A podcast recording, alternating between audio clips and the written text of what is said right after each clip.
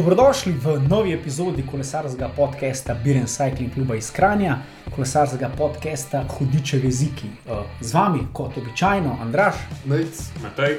Uh, ja, v bistvu naš podcast uh, lahko najdete tudi na vseh aplikacijah za podcaste, se pravi Google Podcast, Spotify, Apple in vse te zadeve. Tako da se lahko subskrbite, dobite takoj po notifikation, ko bo prišel uh, nova epizoda ven. Poleg tega smo pa tudi aktivni na uh, Instagramu, tam je aktiven naš PR officer.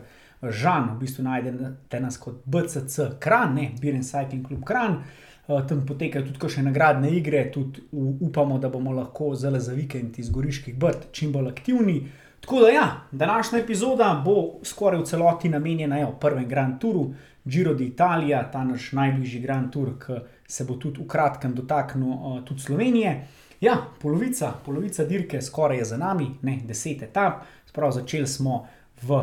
Torinu, potem pa smo se pomikali proti jugu, zdaj pa Giro že nekako obrnil nazaj proti severu in se počasi premikamo proti Alpam. Ampak kljub temu, no, že v teh prvih desetih dneh je bilo nekaj klancev, ne, niso to bile samo neke ravninske etape. Tako da bomo danes pogledali, kaj se je najbolj zanimivega zgodilo v teh desetih dneh, pa kaj nas čaka potem za naprej po tem uh, rezdaju. Tako da, fanta, Giro d'Italia, amore infinito. Ja, kar zanimiv začetek dirke, mogoče bi bil dober nam že ta prvi uh, kronometer, ker je Filipo Gana v nasprotju z našimi napovedmi uh, res dober dirkal.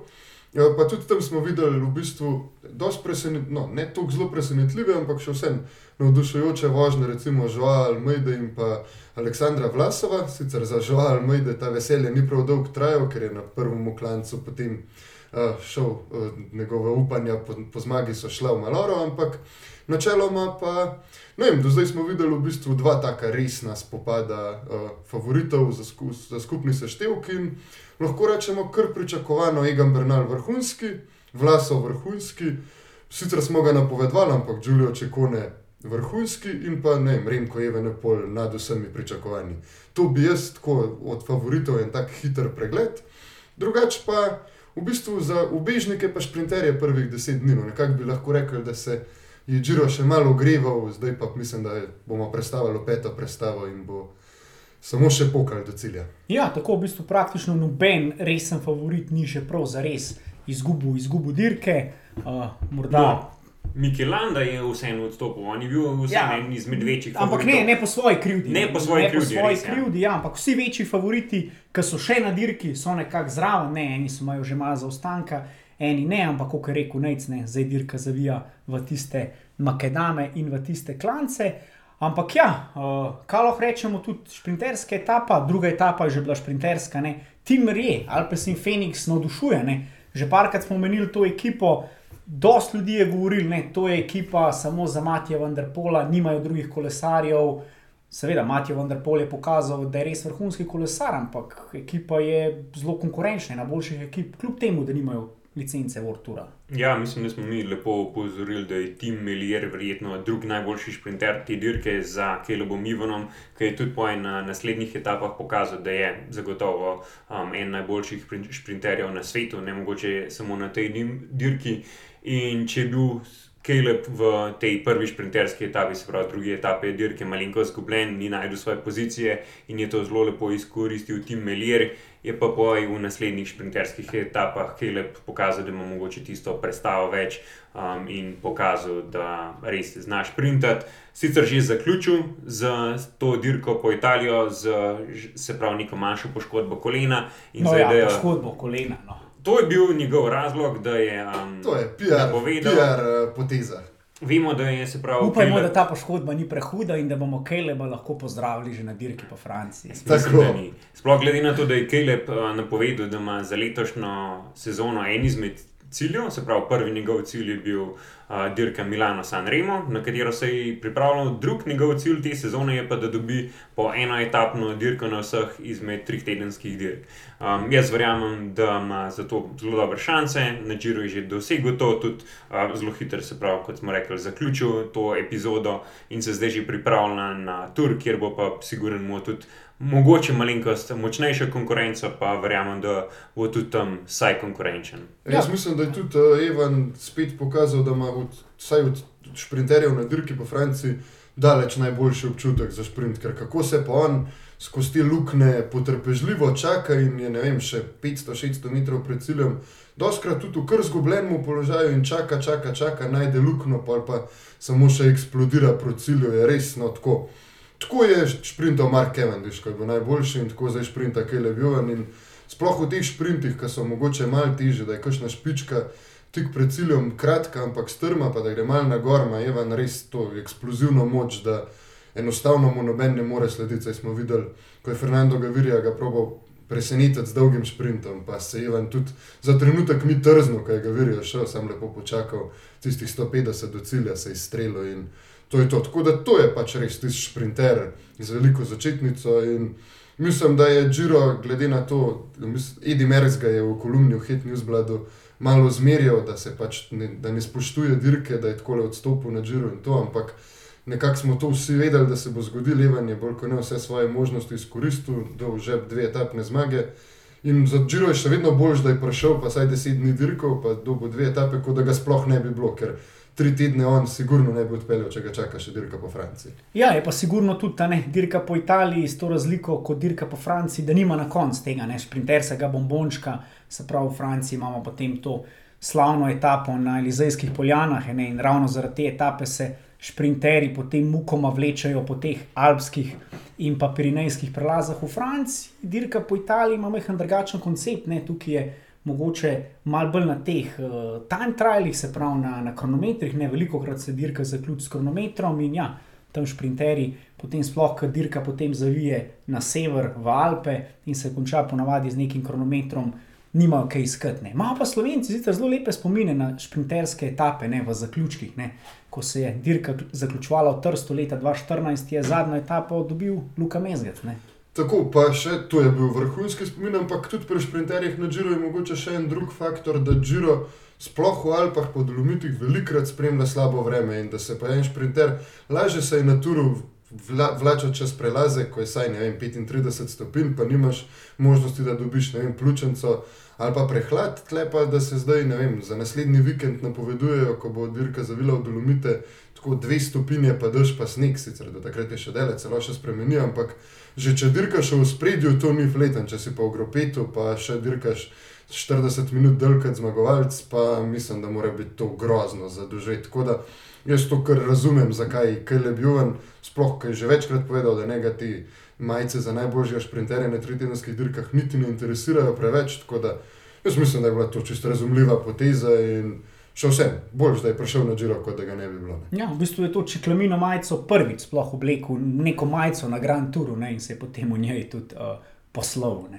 Tako da, če pogledamo ostale šprinterske etape, umenili smo Tima Merija, dve zmagi Keleba Ivana, uh, danes, oziroma v deseti etapi, pa ena super vožnja Bore in pa ponovna zmaga Petra Sagana. Ne. No, ponovno, to je šele njegova druga zmaga na Džiru, pa njegova prva v sprintu, lansko. Ponovna zmaga v njegovi široki naboru zmag v no, karieri. No, to drži, ampak vseeno, um, Petr šele je drugič voz Džiro, lani je vozil prvi Džiro in si prav tisto svojo edino, da današnjega dne je dosegel v solo napadu. Torej, um, bil je nek beg lansko leto, kjer se je po svojim kolegom ubežnikom odpeljal, mislim, da okrog 20 km do cilja in sam prišel v cilj. Tako da to je bil šele njegov prvi zmaga v tem um, sprintu, pa še to ni bil ta klasičen sprint, kjer bi bili prisotni vsi sprinterji, ampak je Bora spet naredila malenkost težjo dirko. Tudi videli smo, da so nekateri sprinterji ostali v zadju in tako je pač Sagan nadgradil to um, delo bole, Bore in končno um, prišel do tudi te zmage v sprintu. Ja, ampak tudi mislim, da smo videli, da se Sagan že kakšno sezono ali pa mogoče še kakšno sezono dlje ni več klasičen sprinter, on je na Minskem sprintu, ki je više od četrtega, petega mesta. Pač ne more več priti, ampak eh, Sagan je zdaj prišel do, tega, do te stopne, bi jaz rekel, da je pač enostavno lahko dirka. Mislim, da je tako dober, da spet lahko zmaguje mal manjši, mislim, iz mal manjšega pelotona, pa pač Uh, od sprinta, tako kot je konec koncev tudi danes pokazal, ne? na zadnje je spet v sprintu vodil timing in pač na koncu zmagal. Ne? Ja, drži, ampak hkrati pa pač je tudi uh, Bora probala že isto taktiko v tretji etapi. Um, Nervili so v bistvu ta tempo čez klanc, um, probali narediti um, selekcijo v skupini, jim je to tudi uspelo, ampak po enem koncu jim je pa glih malinko zmanjkalo in zaradi tega so, je na koncu poje do zmage prišel tako Vanderhorn um, z, mislim, da nekim 12 sekundnim prednosti pred glavnino um, v kateri je potem pač tudi Sagan sprintu, tudi tam mislim, da ni od sprintov glavnine, da je pač uh, Cimolaj. Da je David Cimolaj tako. Um, vzel um, ti sprint, ampak ja, bili so zraven. Um, je pa mogoče Bori takrat malenko zmanjkal in so um, danes se v bistvu precej bolj izkazali, oziroma Peter je bil tiskaj res nagradil to delo. Ja, vse, oni so konec koncev tudi rekli, da so prišli na Džiro z željo, da zmagajo etapo, zdaj so jo zmagali, v bistvu, zdaj pa Malja Čeklamino je pa tisti naslednji cilj. Ampak tako kot si imate omenil, ta Kavander Horna, to je bila ena zelo lepa, zelo lepa etapa za Intermarše v Antigober, ker so v bistvu vemo, da so oni lani odkupili. Pro licenco šele, ne vem, sredo oktobra, praktično, ko so bili že vsa resna imena iz trga pobrana in oni so mogli ekipo nekako iz vseh vetrov, iz ostankov, če lahko tako rečemo, pač zmašiti skupaj, in tudi nimajo v svojih vrstah nekih kolesarjev, ki bi lahko blesteli v najboljši konkurenci, tako da, da so dobili prvo zmago na, pač na Džiru, na, v svetovni seriji, je za to ekipo ogromno pomenil, kar konec koncev dokazuje tudi to, da Intermarché je, če ste se kdaj vozili po Franciji, Belgiji, ogromna, ogromna pač veriga trgovska in do zdaj je belgijski del te verige financiral ekipo. Uh, v prihodnje je pa zdaj po tej zmagi uh, taka Vanderhorna, so bili pa tako navdušeni tudi francoski, uh, francoska branža Intermarcheja, da so obljubili, da bodo v prihodnji sezoni še oni pristopili k sponzorstvu in predvsej ukrepili budžet Intermarcheja, tako da vidimo, kako lahko en uspešen beg, pa nepričakovana zmaga v bistvu tako spremeni usodo ali pa prihodnost ekipe.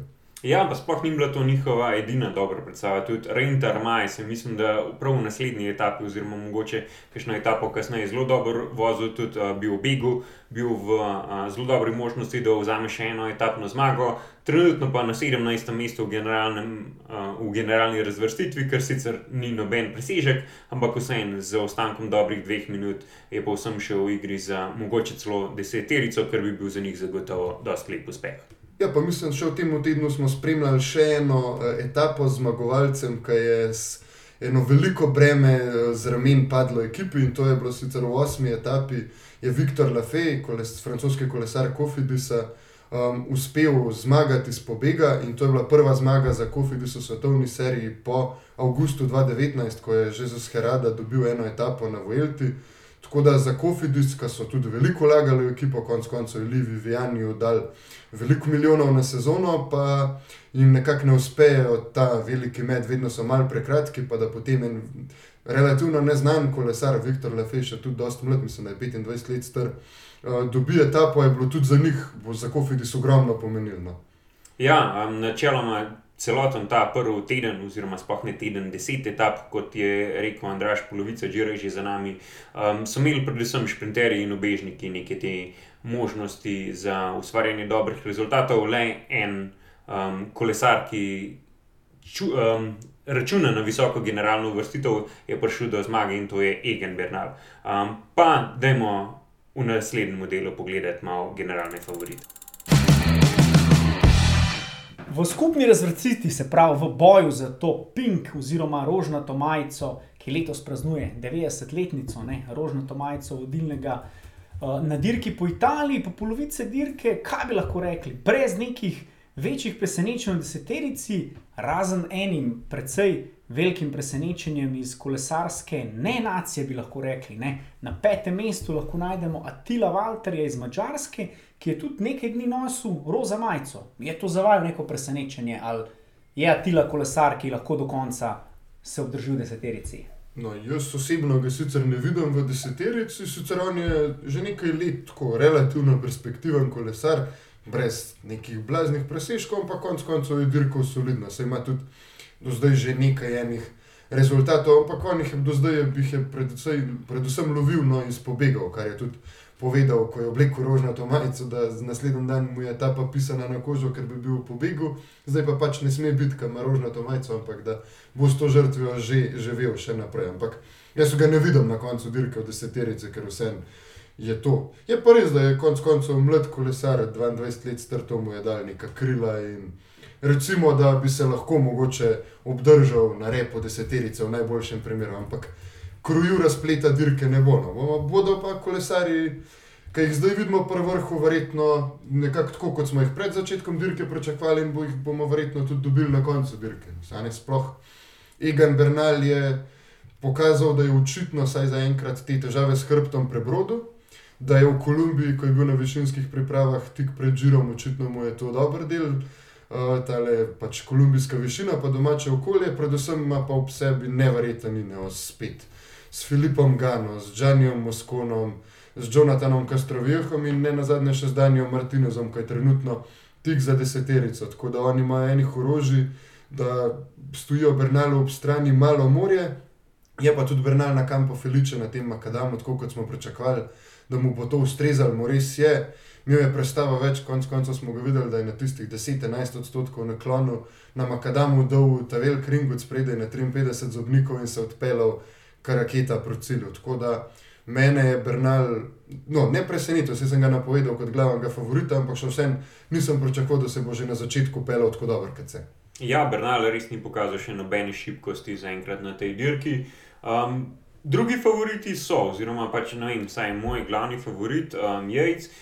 Zaenkrat ni pokazal še nobene res večje šibkosti, ampak ni pa tudi pokazal nič, zaradi česar bi ga vsaj na podlagi te dirke lahko sploh štel v nek ta um, krok favoritov. Um, kot je najc rekel, Ineos zaenkrat res um, diktira dirko, pove, kdaj se bo dirkal, kdaj se ne bo dirkal. Um, tudi um, Quickstep oziroma um, ekipa okrog uh, Renka Evenpola, um, zelo dobra dirka, so verjetno druga najmočnejša ekipa na tej dirki, ampak vseeno, vsakeč, ko um, se začne dogajati, je Ineos tisti, ki diktira. Tudi mislim, da je bila uh, tista neka sedma etapa, kjer so v bistvu na vetru, na klan zgor, um, razdelili skupino in so se prav na tem položenem klancu, kjer sploh ni bil ciljni klanc v etapi, že naredili to neko razliko in so se na klan zgor, v bistvu Ineos, odpeljali za mislim, da je bila takrat skupina približno 15 kolesarjev in so potem mogli tisti kolesarji, ki so ostali malenkost v ozadju, loviti, spet potrošiti neki moči in tako je um, pač Ineos iz. Trenutka v trenutek v bistvu kupiči to svojo prednost in skrbi, da pač Eganu res nič ne bo zmanjkalo, praktično do zadnjega tedna. Ja, v bistvu se je rekel, da je Bradley Wiggins v svojem podkastu na Eurosportu, ki ga ima da pač to so klasične ekipe Dejva Brailsforda, oni cel let trenirajo za to, da bodo nadzorovali dirko. Oni, niso, oni se ne skrivajo pred rožnato majico, oni jo lovijo in želijo nadzorovati dirko. Vse smo videli, da so nadzorovali dirko tudi, ko niso imeli rožnate majice, tako da mislim, da za njih se zdaj ni več spremenil, samo to, da je v bistvu Bernal v pol pozicionu in da imajo pač najboljše izhodišče za nadaljevanje. No, ja, ampak lepa vsem, vsaj malenkost pohvale tudi tukaj Atilu Valtru, ki je se pravi tri dni vozil v rožnati majici, tudi Francois Deža je une tri dni um, lepo prevzel to svojo um, odgovornost do rožnate majice, tudi na reko, v tem pa sicer pač ne v tistih najhujših trenutkih, tam jih je malenkost zmanjkalo, ampak vsi smo vedeli, da bo do tega prišlo. Ampak um, res korektno so odirkali, tudi um, lepo počastili to rožnato majico. Um, zdaj naprej bomo pa videli, kaj se bo dogajalo to ekipo. Ok, na drugem mestu, njegov najbližji sodelovalec pa ta, smo rekli, kolesar, ki je velel za en največji misterij pred začetkom te tritedenske dirke. Ne. Vrnil se je po, po eni hudi poškodbi od avgusta 2021, ni dirkal, prva njegova tritedenska dirka. Renko Evenpol, pelje se, pelje se zelo dobro, ne? že v prvem kronometru je nakazal, da je dejansko v vrhunski formi, da je prišel nazaj pripravljen 1A. Na klancih mu je že parkrat, mu je zmanjkal ta priključek, ampak je zelo dobro tudi uh, pokril potem te izgube. Tudi Joel Mejda, drugi so kapetan, da Queenie Quickstep je hitro pokasiral nekaj dodatnega časa, tako da mislim, da se je kar izkristaliziral, da je Renko nekako zdaj prvi kapetan Dekvenika. In me je bilo zanimivo, ne, tudi danes v tej bomo rekli, uh, zelo bomo rekli, ja, ravninski etapi, pravzaprav šprinterski deseti etapi smo videli en zanimiv move tam v bistvu na letečem cilju, kjer so se delile bonifikacijske sekunde, ne, 3, 2 in 1. Sta v bistvu Renko, Evanpol in Megan Bernal sta sprintala za te odbitne sekunde in tam je Renko to uspel ukrasti sekundo Bernalu. Ne. Nekaj, kar redko vidimo pri teh vrhunskih kolesarjih. Ja, siguren, um, redko zdaj se prav za vsako sekundo lovijo. Ampak mogoče um, še en tak ključen moment, ki si rekel, da se je pač Renko malenko slabš pelo, je bila včerajšnja etapa, torej ta etapa s ciljem na Makadamu.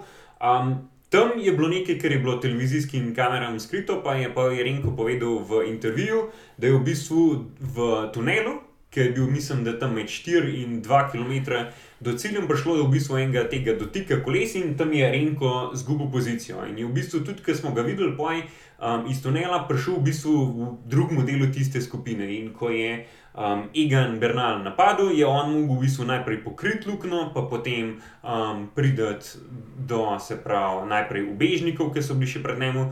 In na to je končal, mislim, da na četrtem mestu ali tretjem mestu, nekaj od tega. Um, Četrt, ja. Tako, um, in tudi brez tega bi bil pa siguren, saj še kakšno sekundo bližje, mogoče celo z Eganom Bernalom. Tako da Renko zagotovo je v dobri formi. Um, mene pa ne mu še zmeraj najbolj skrbi, kaj bo pokazal njegov tretji teden. On je glede tega res neznanka, saj um, presežek v vseh pogledih, kar smo jih zaenkrat videli, ampak mislim, da če bi zmagal. Um, Grand Tour na svojem debiju, da bi bil prvi po, mislim, da Ediju Mercu oziroma enemu izmed teh legendarnih kolesarjev. In mislim, da je že tako več kot 30 let, kar se je zgodilo, da bi kolesar na svojem debiju zmagal tri tedensko dirko. Včeraj sem imel na Eurošportu, pa ne vem, kjer izmed teh legendarnih kolesarjev je bil tam, ki je zmagal na debiju. Ja, vem, kot gre tudi na roko, se pravi zaključek, zadnji kronometer, kjer lahko sigurno odšipne kar nekaj sekund eh, Bernalu jaz upam, da bo dirka zanimiva vse do Milana. Ok, na tretjem mestu pa, evo, moj favorit bi lahko rekel Aleksandr Vlasov. Ne? Uh, jaz sem ga nekako omenjal kot favorita, oziroma kot nek ta moj outside bet, ampak je že na kronometru no, pokazal, da so definitivno naredili veliko, ne? to je njegova bila kršitev točka v preteklosti. Kronometer je odpeljal zelo dobro, tudi v klancih je nekje bil, bil zmeri zraven, mogoče zgubi, zgubi ta kolo ob tistih ključnih napadih, ob teh močnih pospeških, ampak se nekako dobro drži na tretjem mestu, tako da tudi njega mislim, da moramo kar računati na njega, ki zavijamo v neke te hude Alpe. Ja, Aleksandr Vlasov ima tudi v bistvu te etape do zdaj, ko smo jih spremljali, gorske, tu ni bil lih tip zaključkov, ki so njemu najbolj pisani na kožo. Ni on ta eksploziven kolesar. On si je pa že dokazal velikrat do zdaj, da se na daljših klancih pele zelo dobro. Ne? Na zadnje se smo to spremljali na dirki po Sloveniji, kako dobro se lahko pele na dolge vzpone in še na marsikateri drugi dirki svetovne serije potem. Ampak in zaradi tega jaz mislim, da to, da je pač jaz zgubil kakšno sekundo, dve, tri. Ob teh najhujših napadih, na koncu to ni, jaz ne vidim v tem nobene drame za enkrat, in se res pele dobro, tudi kar je do zdaj se je on znov zaplestil, kot še en padec, pa je imel pač uh, bil. Po domač povedan, malo neroden, no, ampak do zdaj je imel praktično brez težav, dirko je, je odpeljal teh prvih deset dni, kar vsi favoriti pravijo, da je najtežje preživeti. Prav prvi teden dirke, ko so vsi spočiti, vsi so živčni, ni še neke hierarhije v pelotonu, da bi se vedeli, kdo se bori za vrh, kdo se ne. Tako da, evo, zaenkrat mislim, da je Vlasov to dirko odpeljal praktično brez napak. No, zdaj, meni je malo zanimivo, da se Astana še vedno odloča, pa ima kolesarje v begu, pač skoraj vsako etapo. Zdaj, zakaj oni se ne posvetijo temu, da bi branili Aleksandra Vlasa, pa mu ponudili vse možno podporo. Recimo, gledali smo Luisa Leona Sančeza v begu, jaz ne vem, je to potrebno, glede na to, da je to. En najbolj izkušenih kolesarjev v pelotonu, ki bi lahko Aleksandru Vlasov do kritičnih trenutkov naredil ogromno, ne pa mu tudi še na svet. Ampak zaenkrat no, se jim je taktika šla, tako da ne smemo dvomiti v to. Ja, jaz mislim, da tukaj Astana sa igra dve karti naenkrat. Vsem vlasov še nikoli ni bil v tej situaciji, kjer bi te svoje pomočnike res krvavo rabo. Medtem ko so pa vsem probali, da bi saj z Luisom. Um, no, sam ti nikoli na dirki ne veš, kdaj boš krvavo rabo pomočnika, kdaj Aleksandr Vlasov dobi 10 km pred ciljem defekt, pa bo rabo 3 ali pa 4 ali pa 5, vse možne svoje fante, da ga prepelejo nazaj zraven. Tako da to na to računati, da če jih do zdaj ni rabo, da je bilo to v redu, je spet malo riskantna taktika. To je res, ampak to je pač riziko, ki so ga, po mojem, sprejeli, ker ve, oziroma saj pač jaz mislim, da se zavedajo, da verjeten pa niso tisti glavni favorit, da bojo zmagali Giro. In zato vsem probajo za pač kakšnim kolesarjem sem, kakšnim kolesarjem tle, pa še vzeti vsem kakšno etapno zmago, ki bi jim pa vsem še kar precej dosti pomenila. Tako da jaz mislim, da tukaj oni probajo igrati na obi karti, tako da probajo in etapne zmage, in pač visoko generalno uvrstitev, je pa zmeraj tukaj pač ta riziko, da se opečeš in da pač na koncu ostaneš brez, brez vsega. Um, ja, mogoče še pač prej smo govorili o Quick Stepu. Um, en zelo zanimiv kolesar, ki je um, začel um, tudi z ciljem na visoko generalno uvrstitev, pa zdaj ni več v tej zgodbi, je Žuval Almeida. Žuval Almeida je se pravi lani končal na četrtem mestu, letos je pa zdaj pač kar dosti zaostal v tisti, se pravi, prvi resni gorski etapi, um, ki je potekala v bistvu cel dan v dežju. On je tam v bistvu zmrznil na ti zadnji klanci in kasiral, mislim, da nekih pet minut oziroma nekaj tazga. In takrat se je že videl, da bo on izven te um, glavne konkurence za visoka vrstitva. Ampak po tisti etapi se je po v bistvu vse čas vozil zelo dobro, bil tudi en izmed teh glavnih pomočnikov um, Renku. In mislim, da tudi on. Kaže, zakaj je res tako dober kolesar, so pa tudi zagotovo še pač neke zgodbe v ozadju. Uh, Žal je že v bistvu lani oziroma lani si govorili, da pač ne bo podaljšal pogodbe z Quickstepom, tudi Patrick Lefebvre je povedal, da pač bo cesta odločila, uh, kdo izmed kapetanov bo najmočnejši in se je zelo hitro pač razjasnil, da bo to Renko. Uh, tako da tukaj meni mogoče malenkost skrbi, oziroma malenkost je ta dvom. A je res tukaj um, žival se sam odločil, da ne bo dirkal na generalno in tako mogoče malo um, popustil ta pritisk, ali je dejansko res cesta odločila? No, treba se tudi zavezati, da Dekoini Quickstep je belgijska ekipa, ne Renko Evanpol je pač belgijski heroj, ne eden spet po dolgem času belgijski jub za zmago na tritedenski dirki in jaz mislim, da si je bilo že prej, no, kar precej upal oziroma precej se je dobro vedel, no, da je, mislim, da on favorit številka ena v Dekveniku, mislim pa, da so tudi oni, niso se pa čisto točno zavedali, kje je Remko, ki pač pride na cesto, ker brez dirko do avgusta biti je, je nekaj drugega, kot kar, kaj pokaže trening. Ja, ampak bilo bi pa recimo mogoče tudi za njih, za celo taktiko, pa tudi če je Remko kapitan, boljš, da bi bil Almeida bližji, sploh recimo v primeru, da ne vem, Dani Martinez, zdaj deseti, ga Ineos pošlje v nek napad, ga bo pač pokril že Almeida in je to ton, pa Renko to spet ni treba delati. In, oziroma še za marsikega drugega kolesarja to velja, ne vem, tipa Hugh Carty gre obek pač daš Almeida zraven, pa sta si tam tam in je to to. Ni treba, mislim, to bi malo razbremenilo Rimka. No. Ja, Karlo Sastro je tako tur zmagal, ne spomnimo se takrat, se pravi, tistega um, CSC-ja z uh, bratom Šlek. Pa um, ni bil on prvi kolesar ekipe, ampak glede na to, kako se je takrat taktika išla, je pač on se takrat odpeljal. Če ga ni pokril, ker so gledali, mislim, da je bil takrat Andy tiskaj. Um, Frank Šlek je bil. A, fra, ne, mislim, da je bil Andy tiskaj na visoko uvrstitev generalno. Frank je imel takrat rumeno majico, se mi zdi. Pa ga je potem napadel, mislim, napadel Sastre. No, okay. odpeljal, ja. Um, ja, takrat se je Sastre odpeljal in poj v bistvu zmagal. Takrat, tako da vse te kombinacije so zmeraj zanimive in pač sam neka um, dobra opcija, ki jo imaš. Zdaj pač um, Quickstep se je tej vem, odpovedal, oziroma je Almeida rekel, da pač on se te zgodbe ne gre, ampak vsem še zmeraj ostaja v igri v zmago in mislim, da um, se nihče nima profej za pritoževati glede te situacije. Ja, ok, če pogledamo še ostalo deseterico, mogoče lahko izpostavimo dva kolesarja, ki jih stavnice, bi tako rekli, ali pa strokovnjaki niso napadali tako visoko. Ne? Eden je nekako Giulio Čekone, mi smo ga, ga omenjali, da zna biti zelo nevaren, sicer je na papirju za prvega favorita Treksega Freda veljal Vičencu Nibali, ki je pa imel to hudo poškodbo roke, ne se pravi, si je sred aprila si nekako zlomil zapestje in se mi zdi, da je kar čudežno, da je v bistvu se Vincenzo pojavil na štartu, ker recimo jaz sem imel podobno poškodbo, jaz sem si zlomil zapestje konc marca, pa sem dele za vikend probo mehen se pulci s kolesom pelati, pa moram povedati, da roka še kar boli, no, tako da če pa si vsak dan 5 do 6 ur na kolesu, pa Vincenzo kapo dol. Tako da Giulio Čekone je četrti, ne? najboljši italijan. Ja, Giulio Čekone je meni je to res v zadnjih letih tako en ljubših kolesarjev, ker je zelo napadalen. Če se spomnimo samo tiste etape na Turu, ki je v peklenskem mrazu in držal zmago, to je bil fantastičen dosežek no, Julija. Um, meni je pa tudi tako, zanimivo je tudi, Julio je povedal, zdaj, da se ni pričakoval, da se bo tako dobro pelal, da ni prišel na dirko z nekimi upi po uh, visokem mestu v skupnem seštevku, da je on bolj ciljev na etapne zmage in da mu je zdaj malo žal, da je v tistih prvih etapah kar potrošil neke energije z napadi, ki mu na koncu niso nič prenesli. Zdaj je pač vidno, da je zamenjal fokus, da se drži nazaj, da sledi najboljšim in konec koncev stoji on, samo on pa vlasov.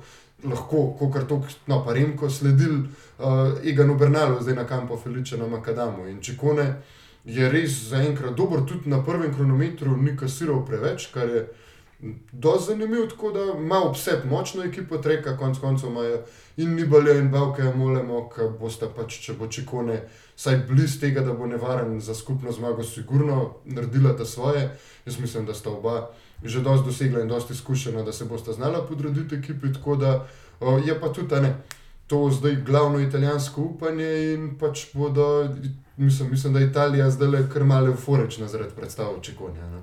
Ja, še drugo to italijansko presenečenje, mogoče Damjano Caruso, um, en tak veteran, um, se pravi, peletona.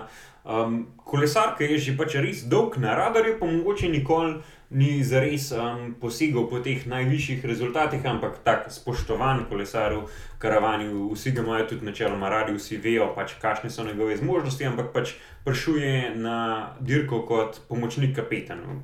Kapetanu Mikelu Landi, ki je pač žal uh, mogel prečasno zaključiti ta Giro po neki te nerodnem upacu, ki sploh ni bil sam kriv. Um, tam je prišlo do pač paca, um, se pravi, um, spremembi smeri, oziroma pri tem otoku ob um, cesti, kjer je um, kolesar UAE.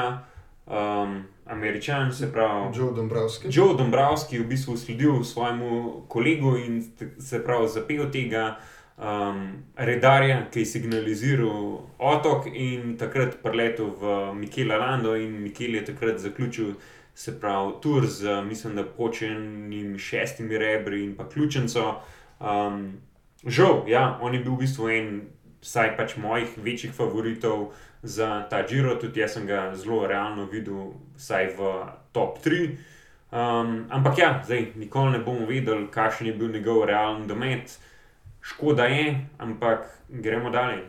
Ja, predvsej smole, no, v bistvu za, za ekipo Bahrajn Viktorijo, se pravi najbolj slovensko ekipo na uh, dirki po Italiji, nekako imamo na cesti Jana Tratnika, mi smo na cesti tudi Mateja Mohoriča, ki je doživel ta grozljiv padec uh, na spustu, ki je sicer njegova, njegova največja prvina. Na srečo je z Matejem vse v redu, žal je mogel pač odstopiti, ampak uh, preiskave bolnišnice pokazali, da ni hujših poškodb, tako da upamo, da ga bomo čim prej pozdravili. Nazaj na cesti, ja, kot je Matej omenil, tudi Matej, Mikel Landa odstopil zaradi uh, hude poškodbe uh, rebr. Da, ampak ja, Damjano Karuzo je v bistvu deseterici, je to kolesar, ki je že, ja, Matej omenil, veliko časa je deloval kot nek pomočnik, ampak je v bistvu že vse tri grand ture končal v deseterici, ne, tako da ga je ga je zaračunati, ampak eh, tudi Džino Meder, ne, v boju, v hrani nekako Gora Štangel je napovedal, da se bodo preusmerili v etapne zmage in pa tudi v ta boj za majico najboljšega na gorskih ciljih. Ne.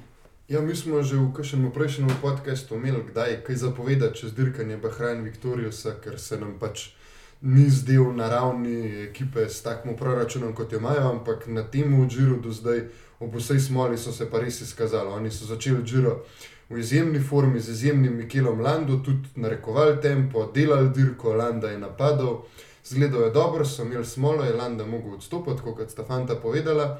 In naslednji dan so takoj poslali Mohoriča in Džina Medarja v Big.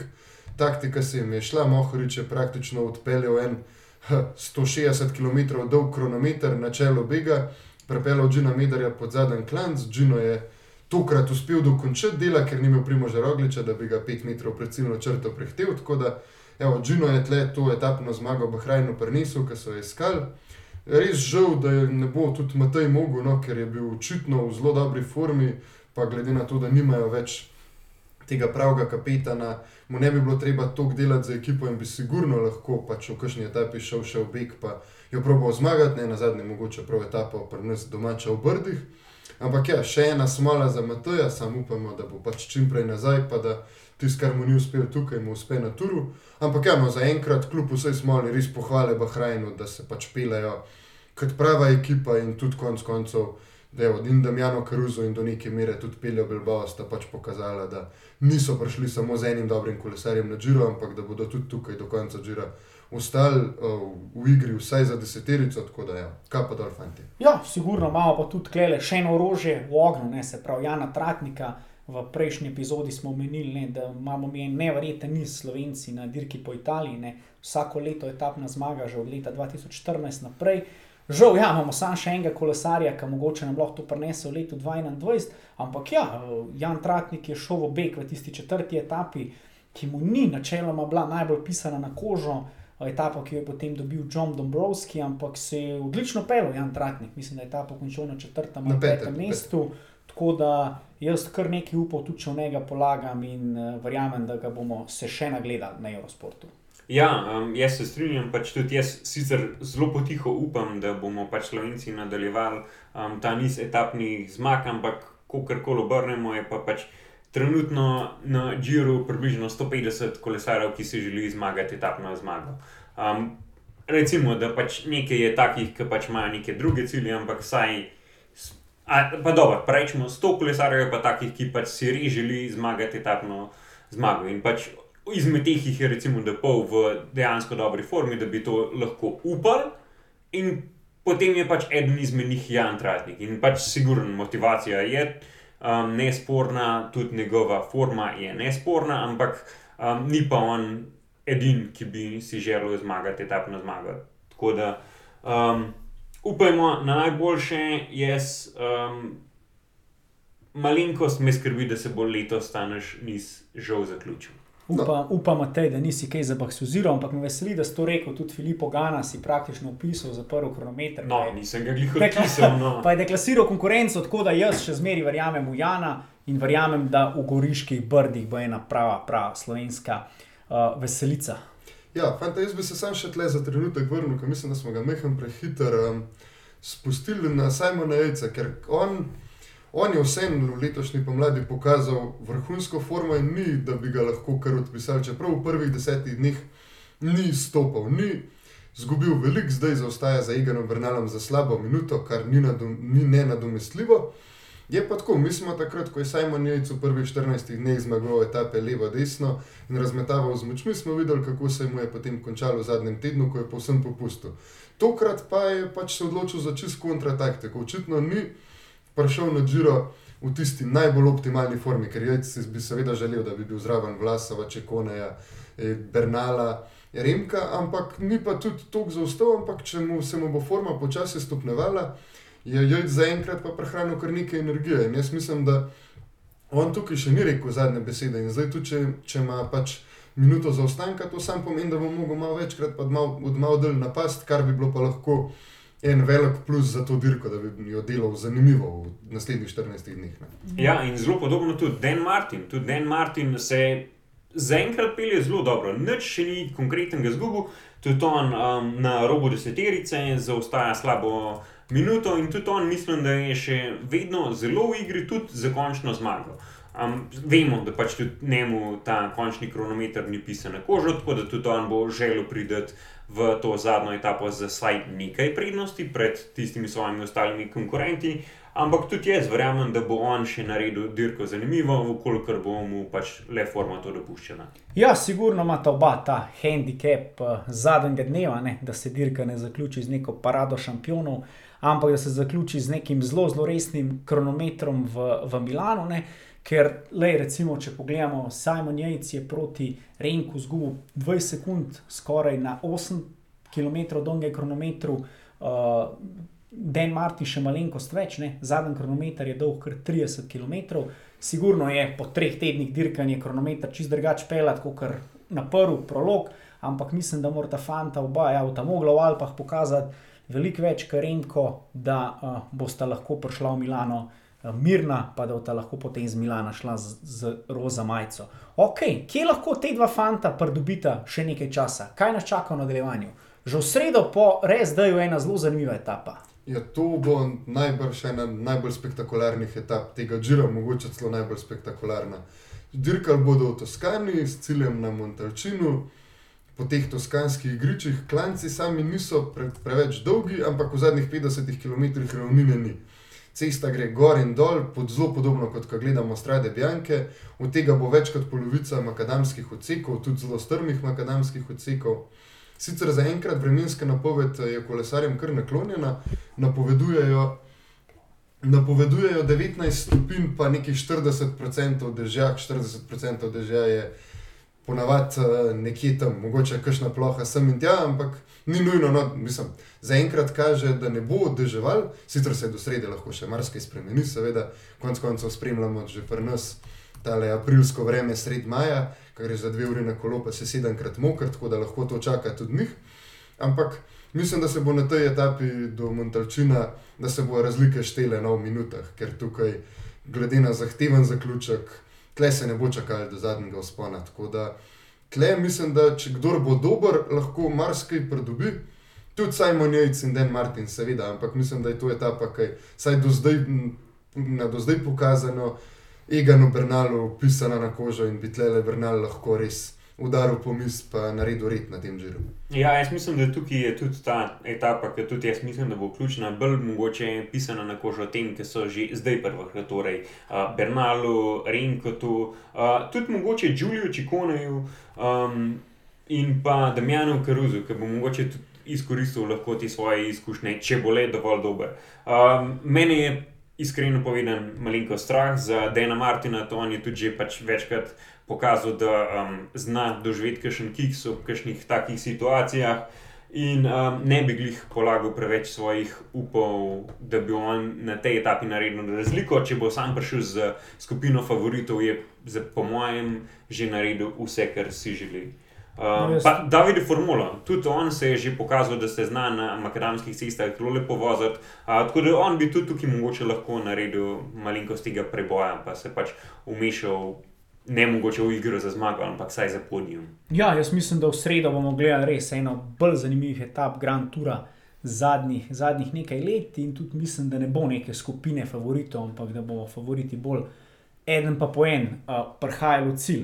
Ok, potem sledi neka, neka priložnost za sprinterje, za sprinterje, ki ostajajo na dirki, in pa v soboto potem ta brutalna etapa na Monte Zancolan, se pravi najbolj strmih usponov v Evropi, tam bodo res prišli na, uh, do izraza te klasični, klasični gorski kolesari. Ne? Gilberto Simoni ima še zmeri rekord uspona na Monte Zancolan, in vsi vemo, da Gilberto Simoni je bil res ena taka gorska koza, ne, mogoče evo, Aleksandr Vlasov lahko tukaj naredi neke razlike, Simon Jejc in pa neki te kolesari, ki so res za, za klance, potem pa pridemo v Slovenijo.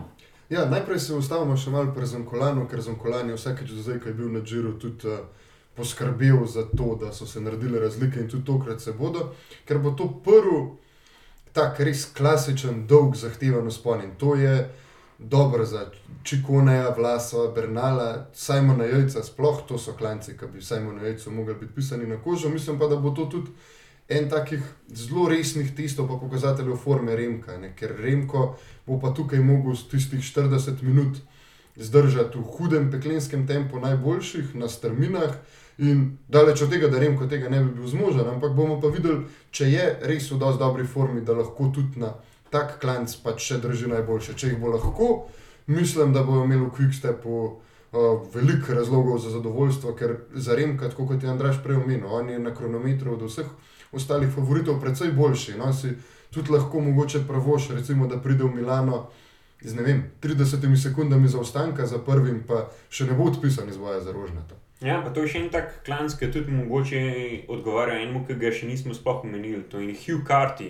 Uh, on je tudi tak kolesar, ki mu načeloma te daljše usponi zelo ustrezajo, tudi pokazuje lan na Vojlki, ki je končal na tretjem mestu, da mu pač zelo ustreza to.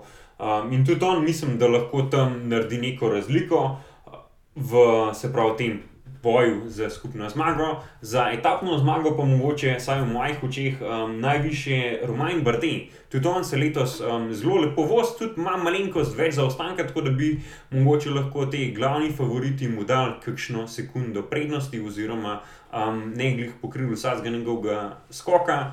Uh, tako da on je moj favorit za etapno zmago na dan pred Gorico. Tudi jaz imam rad Romana Brdeja, ker nekaj točk mi je že prinesel v naši Velon Fantasy ligi, ki lahko najdete pač na Biren Cycling Club Kran, spremljate, kako, kako nam gre. Ok, se bomo videli potem v Goriških brdih. Epidemiološka situacija se na srečo izboljšuje, tako da očitno bomo gledalci lahko pozdravili najboljše kolesarje na slovenskih tleh. Ja, mislim, da bomo imeli eno lepo priložnost, da vidimo kolesarje na naših tleh. Sicer vreme nam zaenkrat ne kaže najboljše, ampak upajmo, no, da se do nedelje stvari še malo izboljšajo, pa da nas saj ne bo prav ob cesti. Ampak se sigurno splača no, priti podpreti uh, fante, pa če bo pa to slučajno sončna nedelja, pa en idealen dan za izlet v Goriška brda, pa malo pršuta, malo vina in vrhunsko kolesarstvo. Mislim, da kaj lepšega od nedelja si pa skoraj ne moremo želeti. Ja, tam bomo tudi mi, tako da bomo imeli naše majice, naše polovarje, tako da če nas boste videli, nas pocukajte za rokav. Bomo spili kakšno pivo. Lahko kakšno rečemo, kakšno pivo, zelo vino, ne, goriška brda so bolj no, vinska. bomo imeli oboje, pa, pa kar nam Bomo neki popili brez problema. Ne. Uh, ja, po goriških brdih pa nas čaka ena, še ena brutalna etapa, ne, kar s 5700 višinskih metrov. Ne. Jaz se spomnim, jaz sem lani prevozil 2800 v eni turi, pa sem bil pečen, da sem kar nekaj časa prihajal k sebi, sem mogel spiti ne 3-4 pive tam v Kranski gori, tole pa pač krat dva. Ne. Se pravi, gremo čez 4. Ene take gigantske prelaze, ne, tudi vmes je ta Čima Kopi, se pravi najdaljši, v bistvu najvišji vrh letošnje dirke po Italiji, pa so žal tudi en zelo znamenit uh, uspon in pa potem ciljni spust do Kartine Dampeco. Tudi tukaj lahko naredijo kar nekaj razlik, najboljši. Ja, mislim, da bi to mogla biti uh, najbolj brutalna etapa tega. Džira, sicer je seveda vse odvisno, kako, je, kako bodo kolesari to odpeljali. Ampak tukaj se lahko začne na paso prodoj, na čim kopi dirkati. Vemo, da za čim kopi se bodo kolesari udarili. To je tako prestižna nagrada, ki prenese konec koncev tudi kar nekaj evrov, tega ne bodo spustili z rok. Je pa od cilja, mislim, od vrha pasa prodoja do cilja še 60 km. Ne? In v 60 km se pa lahko zgodi marsikaj, pa tako kot sem že prej omenil, napoved vremenska, saj za enkrat, ni dobra, takrat lahko bi na pasu prodoju padal sneg, tudi na pasu žal lahko pada sneg. In bo zaenkrat so napovedane padavine, če ne bo sneg, bo pa dež, bo mrz, lahko pride do pacov. In mislim, da to, da nobenemu v tej etapi tudi približno ne bo lahko. In, ampak je pa tle spet zelo odvisno, če bo Egan Bernal, tako kot zdaj kaže, no, v tej formi prišel v to etapo v vodstvu, mislim, da bo Ineos to dirko imel pač pod kontrolo in bo zelo težko napadati.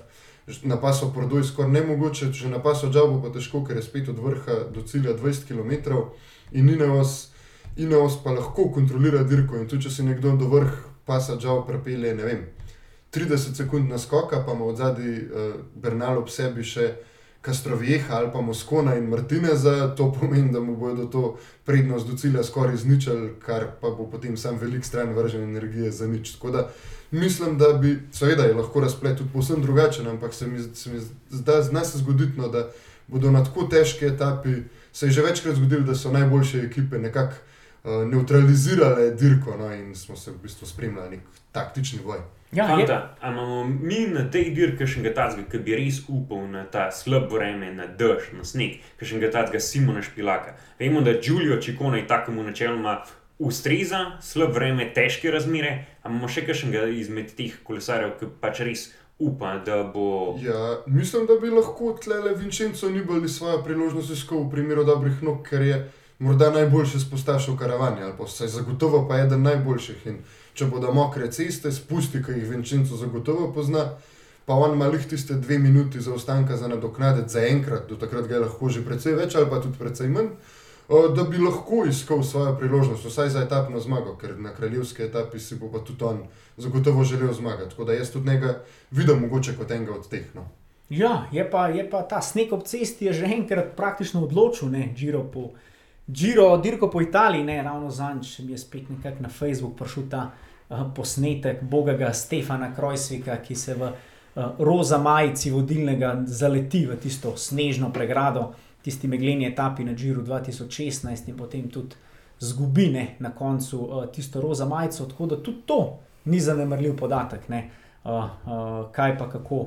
Kot je Matej omenil, kaj pa kako, kako se kolesari znajdejo v teh nekih slabih vremenskih pogojih, ki jih letos na Džiru ne manjka. Ne? Praktično vsaka etapa je vsaj malo zmučila kolesarje. Ne? Tako da, kot je rekel Nec, tudi tukaj, če malo rekreativno kolesarite, praktično težko naredite neko daljšo turo. Brez da vas ne zmoč. Pa še v tem vremenu je zelo zahtevno dirka tudi z vidika, da nisi ne lačen, ne žejen, ker pač te razmere nekako eh, teles, ne vem, te ne ustrezajo, vsaj meni osebno zelo težko se pripravim do tega, da bi pil, kar je pa za me, za me ko grem za tri ure na kolo, čisto sen.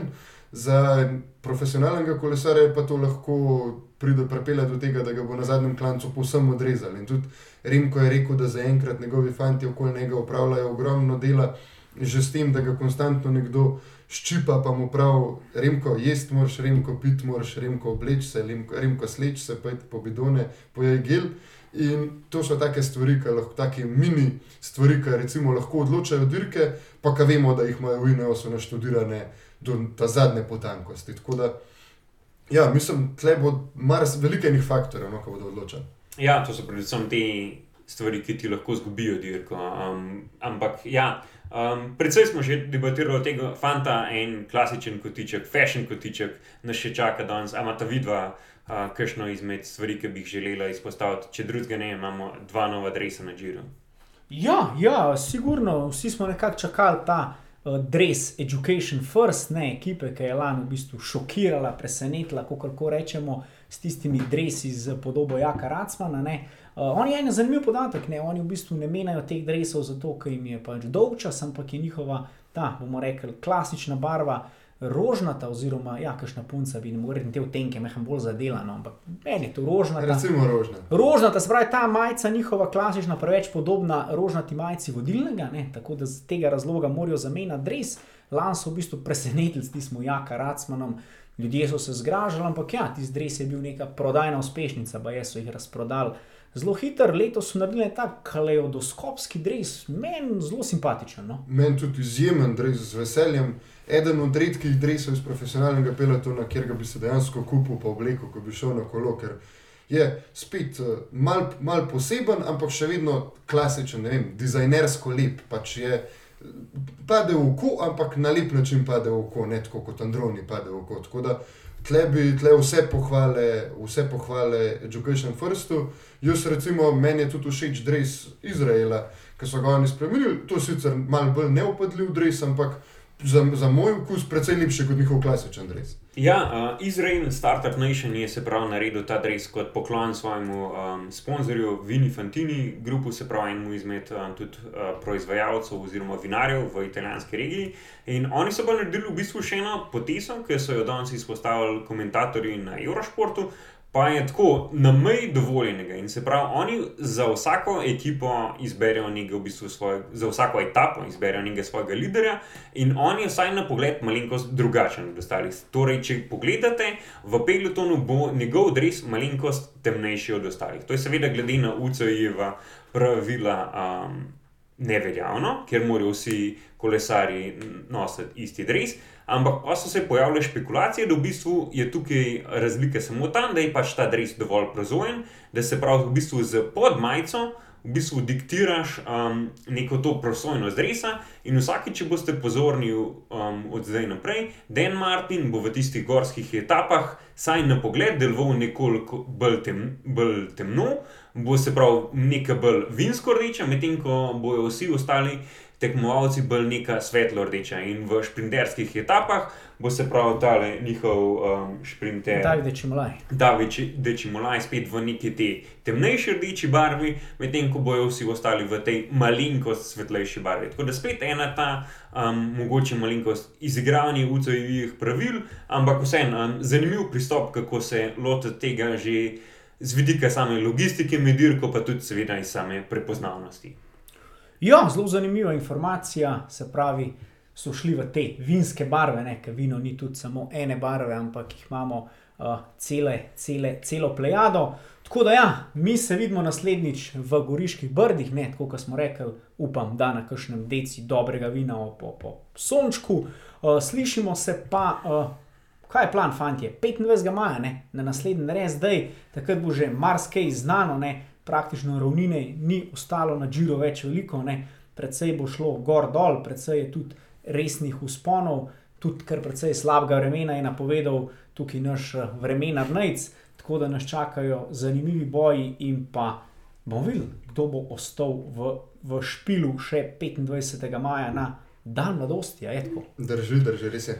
Tako da uh, lepo se majte, uh, navijajte za naše kolesarje, oziroma za Jana Tratnika, ki je edin še vstal uh, na uh, Džiru. Upamo, da se nadaljuje ta naš niz iz leta 2014 in pa naročite se na naš podcast, polajkajte našo Instagram spletno stran in pa naredite kakšen kilometr tudi v tem dežju. Na zdravje. Hvala, da ste bili z nami na zdravje. Hvala, čau!